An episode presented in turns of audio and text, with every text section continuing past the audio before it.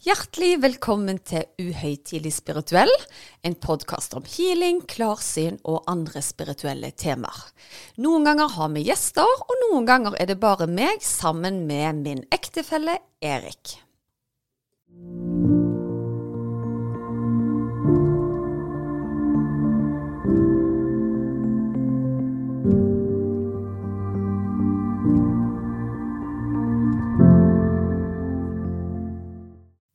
Ja, Susanne, da var det helg igjen, og Vi er glad i helger. ja. Er det noen som ikke liker helger? Kanskje sånne som eh, er mye på nattevakt og sånt, at det er litt slitsomt. Men oss van vanlige, vi ser alltid fram til, til helg. ja oss spirituelle vi liker helg. Ja, Ja. Da tar vi helg fra spiritualiteten. Nei, det er, all, det, det er sjelden helg derifra. Ja. Men du, vi får jo kjempemange positive tilbakemeldinger for podden vår. Det er jo så gøy. Ja. Altså, det er både rørende og litt sånt utrolig, fordi når vi starta, så hadde vi jo som sagt ikke sett for oss at eh, det skulle bli et sånn omfang, og nå begynner vi å nærme oss mange episoder. Ja, én ting er episodene, men uh, nå er det jo faktisk 90 000 nedlastninger av alle episodene våre. Det er jo helt utrolig. Det er jo kjempegøy. Ja, Så ufattelig gøy at så mange nedlastninger har skjedd. Det vil altså si ikke 90 000 personer, men gjerne mange som har hørt på de samme òg. Ja, men, men det viser jo bare det at vi er i et uh, skifte. Og jeg hadde en prat med en sykepleier faktisk nå nylig, hvor hun sa at uh, hun merker sjøl på jobb, gjennom leger og kirurger og sånt, at uh, holdningen er annerledes nå enn det var før. Folk er mer åpne, og det har skjedd en utrolig utvikling bare de siste årene, sa hun. Så det er veldig gøy også å snakke med, med mennesker som jobber i den bransjen nå. Så, Ja. Og det at vi har så mange som hører på oss, det viser jo bare at vi blir mer nysgjerrige og åpne for det spirituelle. da. Mm, og det var jo litt av det vi håpte på med denne podden, at vi skulle på en måte skape litt engasjement og ufarliggjøre det som gjerne fremsto som litt uh, skummelt. Ja, og ikke bare at det er skummelt, men at det kan være en, et verktøy i hverdagen for å få det bedre, da. Ja. Men så er det jo ikke sånn at eh, alle har det fantastisk hele tida. Nei, og det tenker jeg på så munter som du er hver helg. eh, Her med, så er det kanskje noen som ikke har det like muntert. Mm. Og eh, Så i dag tenkte jeg vi kunne snakke litt om motgang. Ja, motgang, det har jo meg og deg aldri opplevd, så hvordan skal meg og deg snakke om det? Ja, nei, si det. Så Du, bare, Hvis dere ikke har hørt på alle episodene våre, bare begynn å jobbe dere tilbake. dere finner garantert noe motgang vi har uh, vært gjennom det. Nei, men fra spøk til revolver. Motgang det er noe som alle går igjennom en eller annen gang i, i livet. Ja, og det er jo, ja, det er jo forskjellige grader av motgang. Noen ganger så stryker du på en prøve, andre ganger er det litt andre, litt tyngre ting i livet som, som skjer. Absolutt. Det er et stort spenn der. Det, det er det. Ja. Nei da, og det verste jeg hører når du da er inne i denne, la oss kalle det transen i motgang, det er jo da Du må se det positive i det. Hvordan skal vi gjøre det, da? Nei, altså Jeg har jo blitt mye bedre på det. Eh, det er aldri sånn at når jeg står oppi motgang, at jeg syns det er en fest der og da. Eh, og jeg har vært veldig åpen om at de prosessene hvor jeg har mest motgang, så lærer jeg mest og vokser mest spirituelt sett. Men det tar gjerne tid. sant? Du må se tilbake til det. Aha! Grunnen til at jeg opplevde allergisjokk når jeg var 16, var fordi at jeg skulle transformere meg, bla, bla, bla. Men når det faktisk står på, så er det jo vanskelig å se det positive i det. For jeg tror ikke du har roen nok til å faktisk ta et dypdykk i deg sjøl. Hva er det egentlig som, som foregår? Ja. Men du ser jo sånn som med korona og sånne ting òg, så var det veldig fort ute dette slagordet 'alt blir bra'. Egentlig for at folk skulle prøve å fokusere på det som kommer. Ja. Og så er vi kanskje ikke gode nok på å tillate oss å ha det kjipt, da. Og jeg hadde en, eh, en prosess jeg var gjennom hvor det var faktisk en venninne som sa det. Ja vel, det er kjipt. Så spennende det blir framover. Lurer på hvordan dette her, her blir. Ja, og det er jo alltid gøy og, og at det er en sånn tilnærming òg, men at det, det er jo mange sånne floskler som har kommet i sånne settinger. Det er motbakke det å gå oppover. Den er jo fin. Ja. Men nå er det jo sånn at eh, jeg eh, føler jeg er litt berettiget til å snakke om eh, motgang akkurat eh, nå. For eh, jeg har nå vært gjennom en operasjon. Og jeg fortalte vel i forrige episode at jeg hadde fått påvist en genfeil som gjorde at jeg ikke responderte på smertestillende. Så jeg tenkte ja ja, jeg skal bare bite det i meg, komme over den verste tida nå, og så skal jeg eh, opp og hoppe igjen. Eh, men det har vært komplikasjoner, og jeg har hatt, eh, jeg har hatt det vanskelig eh, etterpå nå. Ja. Du må se det positive i det. ja, vet du hva. Jeg, det som da skjer når jeg er oppe i en sånn situasjon, er at jeg syns det er litt urettferdig. Ja. Jeg syns det er vanskelig når jeg føler at jeg bruker så mye energi på å jobbe med andre. Så syns jeg på en måte at jeg Jeg skal ikke si at jeg fortjener mer enn andre å være friske, men jeg føler jeg trenger det for å løfte andre opp, da. Eh, men jeg tror kanskje at dere skal få høre litt av dagboka mi fra her en dagen. For der skjedde det noe litt spesielt. Skal vi ja, gjøre det? Ja, men Det høres ut som en god idé. Ja, jeg er blitt, eh, jeg er blitt, jeg er blitt flink å dele dagbok, altså. Jeg hadde ja. aldri turt dette her for noen år siden. Så da gir vi bare gass. Her får dere et lite snutt fra min eh, dagbok. I dag skjedde det noe helt spesielt igjen. Jeg har vært igjennom en eh, operasjon som for så vidt skulle gå ganske greit. Jeg har vært inne på før at jeg har et gen som gjør at jeg ikke responderer bra på smertestillende, så det har vært tøft i og for seg. Men så oppstår det komplikasjoner som gjør at jeg ikke blir i form, rett og slett. Så jeg opplever at det nå som skal gå fort framover, er litt i revers.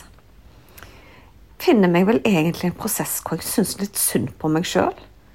At hvorfor skal jeg, som kan knipse på andre sånn at de får det bedre, og så må jeg sjøl ligge her og lide. Jeg føler verken jeg har tid eller lyst til å gå gjennom disse tingene her. Har en samtale med noen familiemedlemmer eh, som spør hvordan det går med meg. Og jeg kjenner at jeg er litt sånn irritert over manglende hjelp fra mine usynlige hjelpere. Men jeg forstår òg egentlig hvor mange hjelpere jeg har rundt meg i livet mitt som er fysisk til, til stede.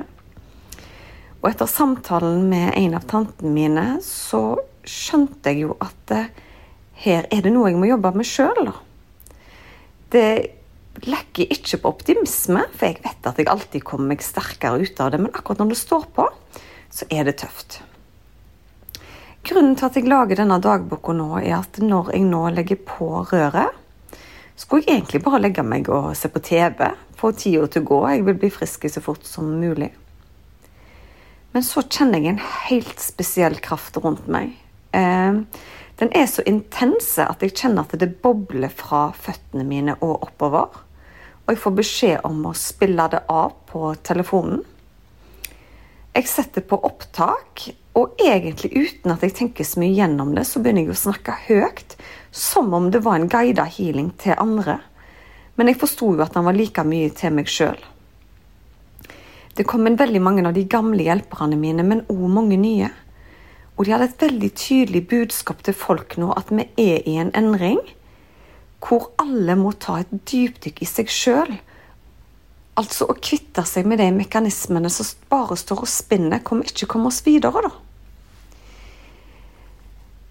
Jeg måtte høre på den healingen etterpå, fordi jeg husker 50 av han.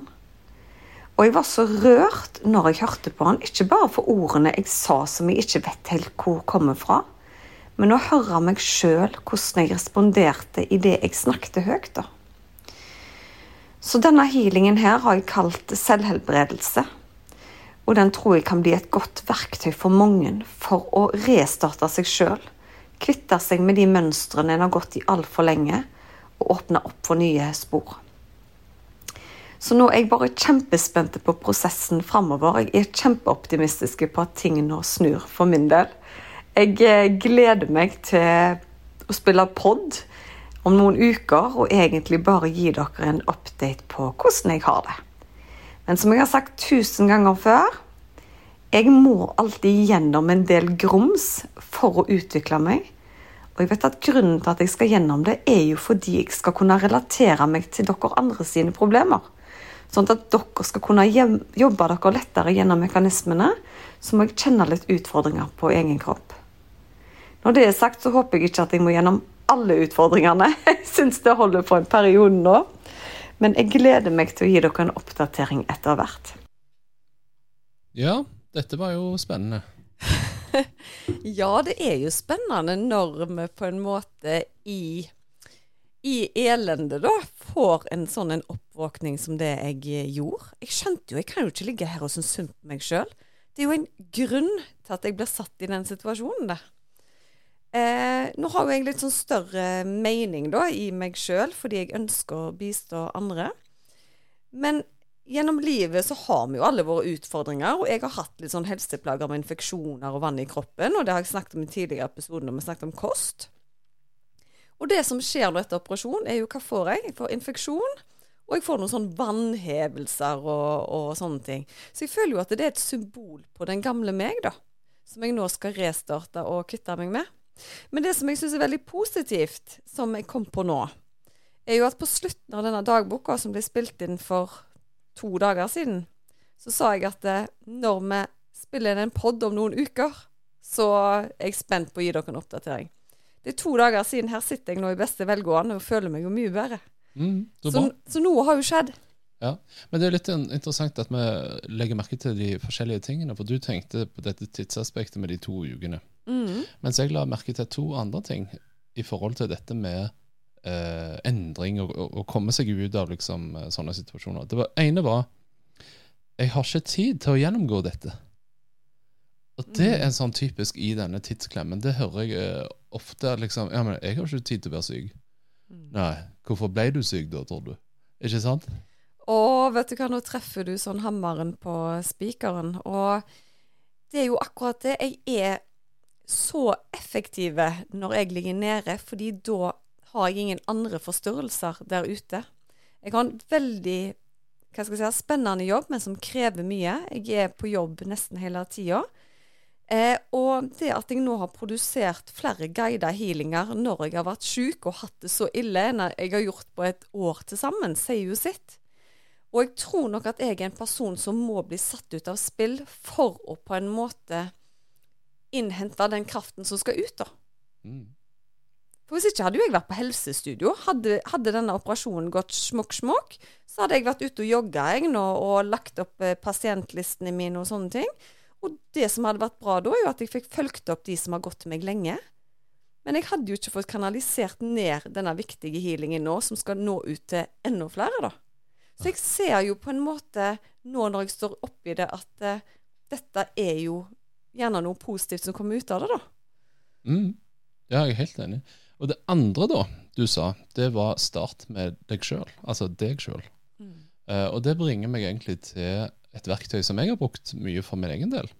Som ikke nødvendigvis er så spirituelt i seg sjøl, men det kommer gjerne fra buddhismen, faktisk. Og vi har nevnt det før her på podden. Det kalles livets hjul. Og livets hjul det består av åtte kakestykker, om du vil. Eh, Det handler om den, de fysiske omgivelsene du har. Karriere, eh, penger, helse, familie og venner, eh, kjærlighet, personlig utvikling, og så har du liksom rekreasjon, eller det som er gøy, liksom, til sist. da. Og sånn som jeg ofte tenker, da Hvis du skal gå tilbake igjen til se det positive i det, sant? ja. Så tenker jeg, ok, si da at du, hvis du skal prøve å se det positive i det da, tegn opp dette hjulet for deg selv, med disse åtte kakestykkene. Og så ser du i hvilket av disse kakestykkene er problemet ditt. Er det, la oss kalle det helse da, at der er problemet. Ok, du er kanskje ingen lege, men kanskje du må jobbe med det mentale samtidig med det fysiologiske da, som skal kreve en, eh, en påkjenning eller en endring. Og Det som er mitt tips, da, det er jo faktisk å identifisere hva er positivt i hver av disse andre syv kakestykkene. Og dette sprer seg, altså Negativitet sprer seg jo veldig fort. at Når du først går på helsa løs, for å si det sånn, plutselig så går det på lommeboken løs, og så går det på vennene løs, og så går det på den mentale helsen løs, og så forplanter dette seg. Men hvis du kan klare å identifisere positive ting i alle områdene, så klarer du faktisk um, å på en måte sette på deg skylapper da, i forhold til at OK, men vet du hva, jeg erkjenner at alt annet i livet er ganske positivt, unntatt denne ene greien. Mm. Uh, og hvis du da kan fokusere på det og si at vet du hva, nå trenger jeg en timeout på alle de andre uh, områdene, jeg skal bli frisk, f.eks. Mm. Og jeg pleier å si liksom dette, her- dette typiske at du ikke kan se skogen for bare trær. Ja, da har du fokusert på alt det negative i livets hjul, sånn at du ser ikke den der lille lysningen som er løsningen på problemet ditt. Du ser bare alle trærne som er problemene. Mm. Ja. Ja, og akkurat det du sier der, tror jeg er så utrolig viktig. Og du sa jo til meg òg nå når jeg lå her og syntes synd på meg sjøl, det kan altså healer nå gjøre.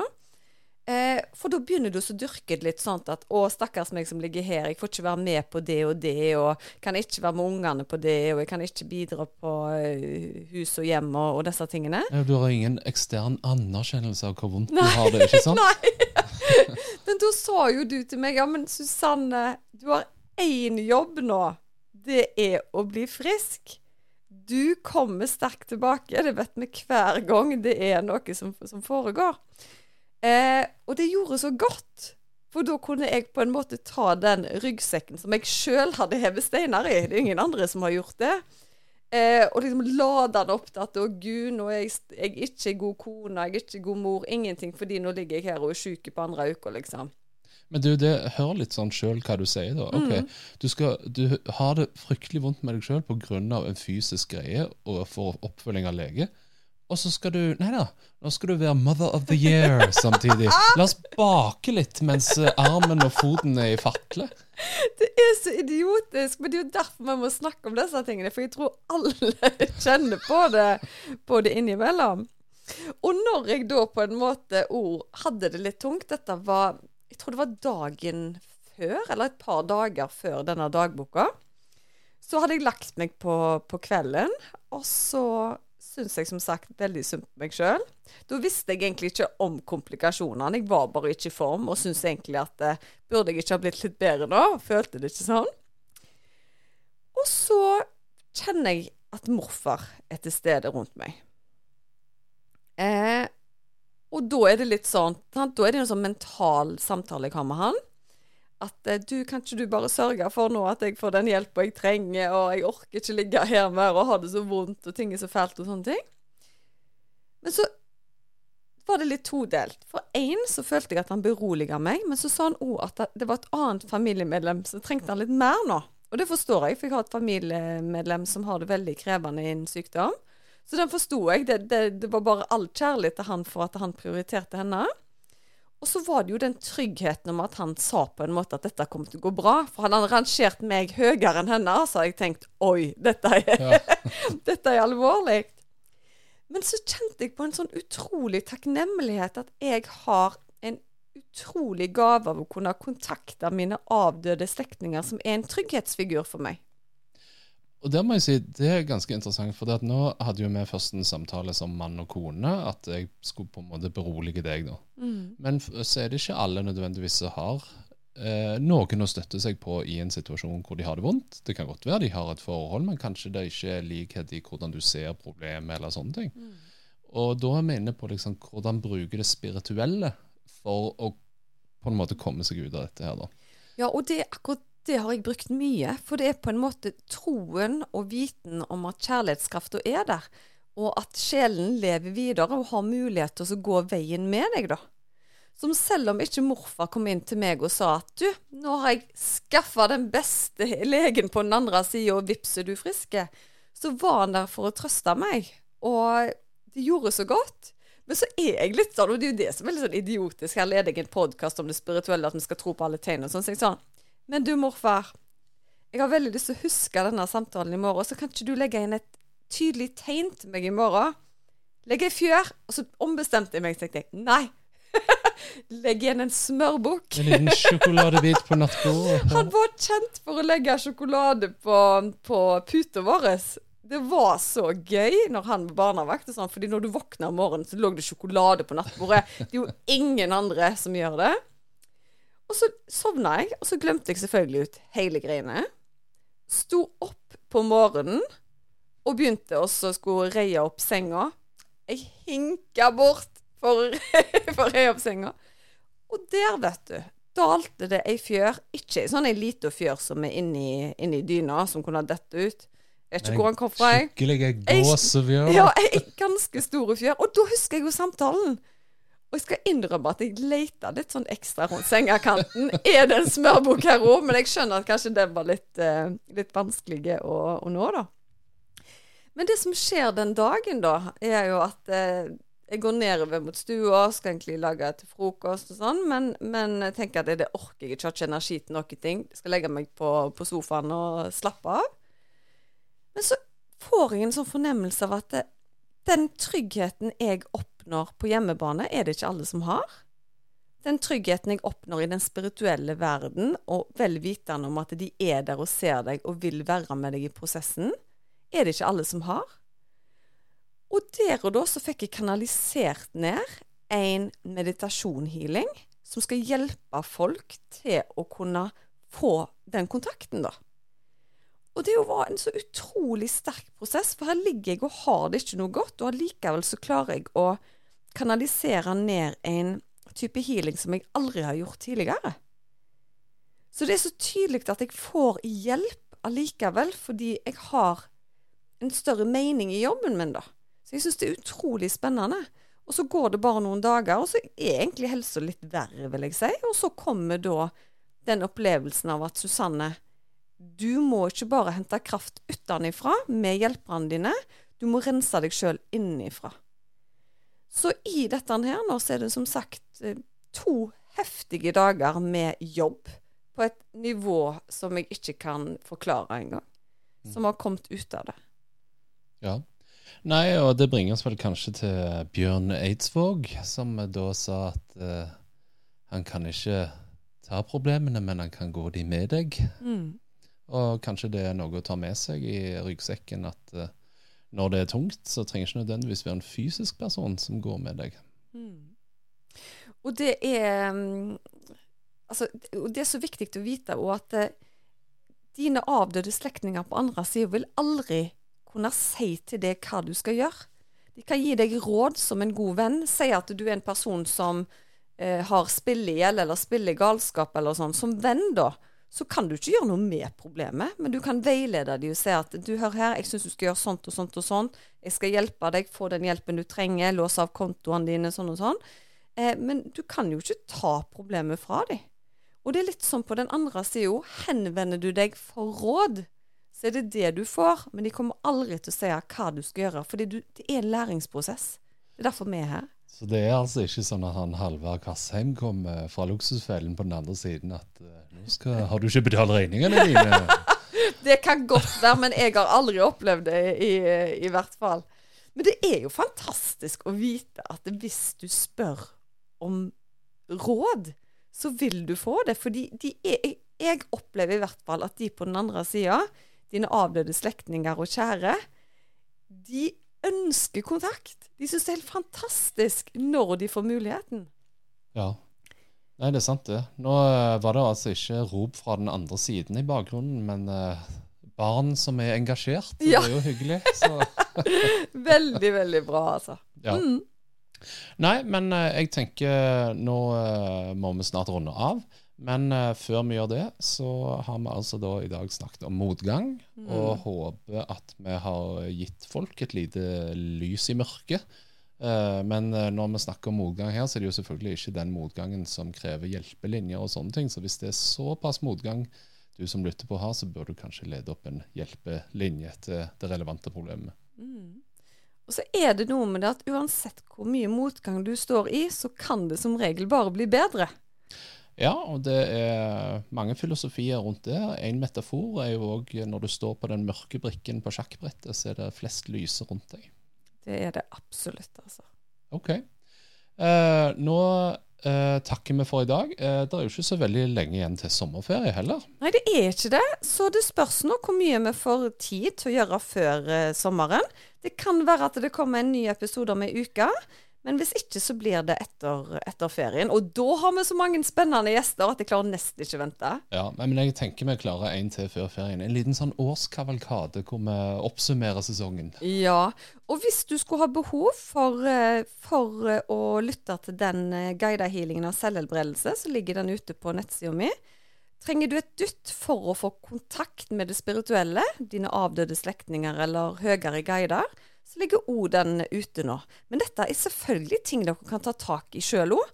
Men dette her, er noe på en ekstra høy frekvens som kan gi deg et dytt i riktig retning. Ja, så bra. Tusen takk for at du hørte på, og vi håper at uh, ja, både horisonten har blitt videre, men òg at du har lært noe i dag. Ja, og igjen tusen takk for alle fantastiske tilbakemeldinger. Både på guida healinger, på Instagram, på pod. Fortsett med det. Vi setter uendelig stor pris på det. For da er det enda flere som ønsker å lytte til oss. Yes. Veldig bra. OK, ha det. Ha det. Ha det.